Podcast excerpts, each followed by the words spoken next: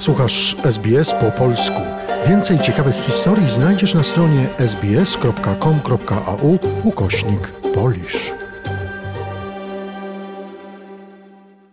Wynikiem ostatnich wyborów federalnych jest nowy wizerunek federalnego parlamentu. Nowy skład ukazuje kandydatów reprezentujących różne grupy etniczne. Posłanka niezależna Day Lee podczas kampanii wyborczej wystąpiła w wietnamskiej społecznej telewizji, aby bezpośrednio dotrzeć do wyborców. Dzięki nim zdobyła mandat w południowo-zachodnim okręgu Sydney, Faula. To elektorat z silną obecnością społeczności wietnamskiej. Zanim Daly w wyborczym wyścigu wyeliminowała kandydatkę Partii Pracy Christine Kennelly, region ten był bezpiecznym okręgiem Partii Pracy. Daly podkreśliła, że swoją osobą reprezentuje różnorodność kulturową tego elektoratu. Podczas głosowania wyborcy z różnych środowisk kulturowych mówili do mnie: Jesteś jedną z nas, jesteś częścią naszej społeczności. To było dla mnie bardzo miłe i inspirujące, mm, że pochodzę z Wietnamu. Tak, jestem uchodźcą i wiele osób może się ze mną utożsamiać i wiedzą, że rozumiem ich doświadczenia życiowe. Jednak Daly nie jest jedyną Australijką azjatyckiego pochodzenia, która po raz pierwszy pojawi się w parlamencie w Kamberze. Dołączą do niej posłanka Partii Pracy Sally Situ z zachodniego Sydney, siedziby Reed, która pochodzi z Chin. Natomiast Sam Lim, były oficer policji i trener delfinów, który pochodzi z Malezji, zdobył mandat z ramienia Partii Pracy w okręgu Tang Nhi w Australii Zachodniej.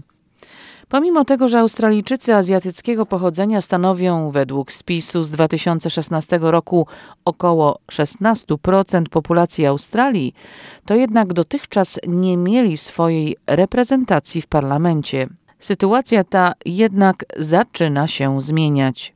Erin Chu jest współzałożycielką sieci Asian Australian Alliance. Jak mówi, ta zmiana w australijskim parlamencie to dopiero początek. Um, Dobrą wiadomością jest przede wszystkim podwojenie liczby Australijczyków pochodzących z Azji, którzy wejdą do parlamentu od czasu wyborów 2019 roku do chwili obecnej. I to właśnie nazywa się postęp. Ale jeszcze to nie koniec, to jedynie początek kolejnych zmian. Z kolei Daily ma nadzieję, że swoją postawą zachęci obywateli z różnych środowisk do wejścia na arenę polityczną. Wiele osób różnego pochodzenia waha się, czy zdecydować się na objęcie przywódczych stanowisk, szczególnie w polityce.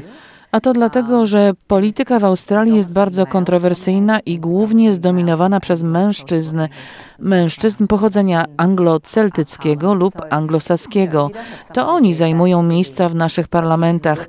Więc jeśli nie ma tam nikogo, na kogo będzie można spojrzeć i powiedzieć: OK, ja też spróbuję. Jeśli im się udało, ja też mogę spróbować.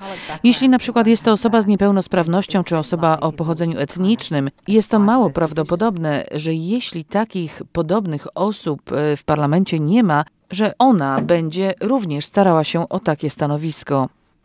Na pewno te wybory federalne przejdą do historii, przede wszystkim ze względu na rekordową liczbę niezależnych kandydatek, które z sukcesem odebrały mandaty od lat posiadane przez konserwatywnych liberałów i nationals.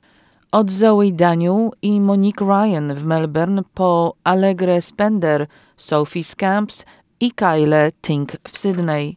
Ich kampanie wyborcze koncentrowały się na działaniach na rzecz klimatu, na uczciwości politycznej i równości płci. Kyla Tink, która pokonała Trenta Zimmermana z partii liberałów w okręgu North Sydney, mówi, że do Canberry leci z misją. Jest to dla mnie bardzo jasne. Mieszkańcy północnego Sydney wysyłają mnie do Canberry, aby wywołać szybsze zmiany w kwestii klimatu, wesprzeć ustanowienie komisji do spraw uczciwości i generalnie wprowadzić wyższy poziom uczciwości w polityce federalnej aby przyjrzeć się temu, jak ukierunkowana jest nasza gospodarka, po to, abyśmy wiedzieli, jak ma wyglądać nasz plan transformacji na przyszłość, który będzie sprawiedliwy dla wszystkich. Trzeba zająć się podstawowymi problemami nierówności w naszym kraju. Niezależnie od tego, czy chodzi o nierówność płci, kwestie dotyczące ludności rdzennej, czy o to, w jaki sposób traktujemy osoby ubiegające się o azyl.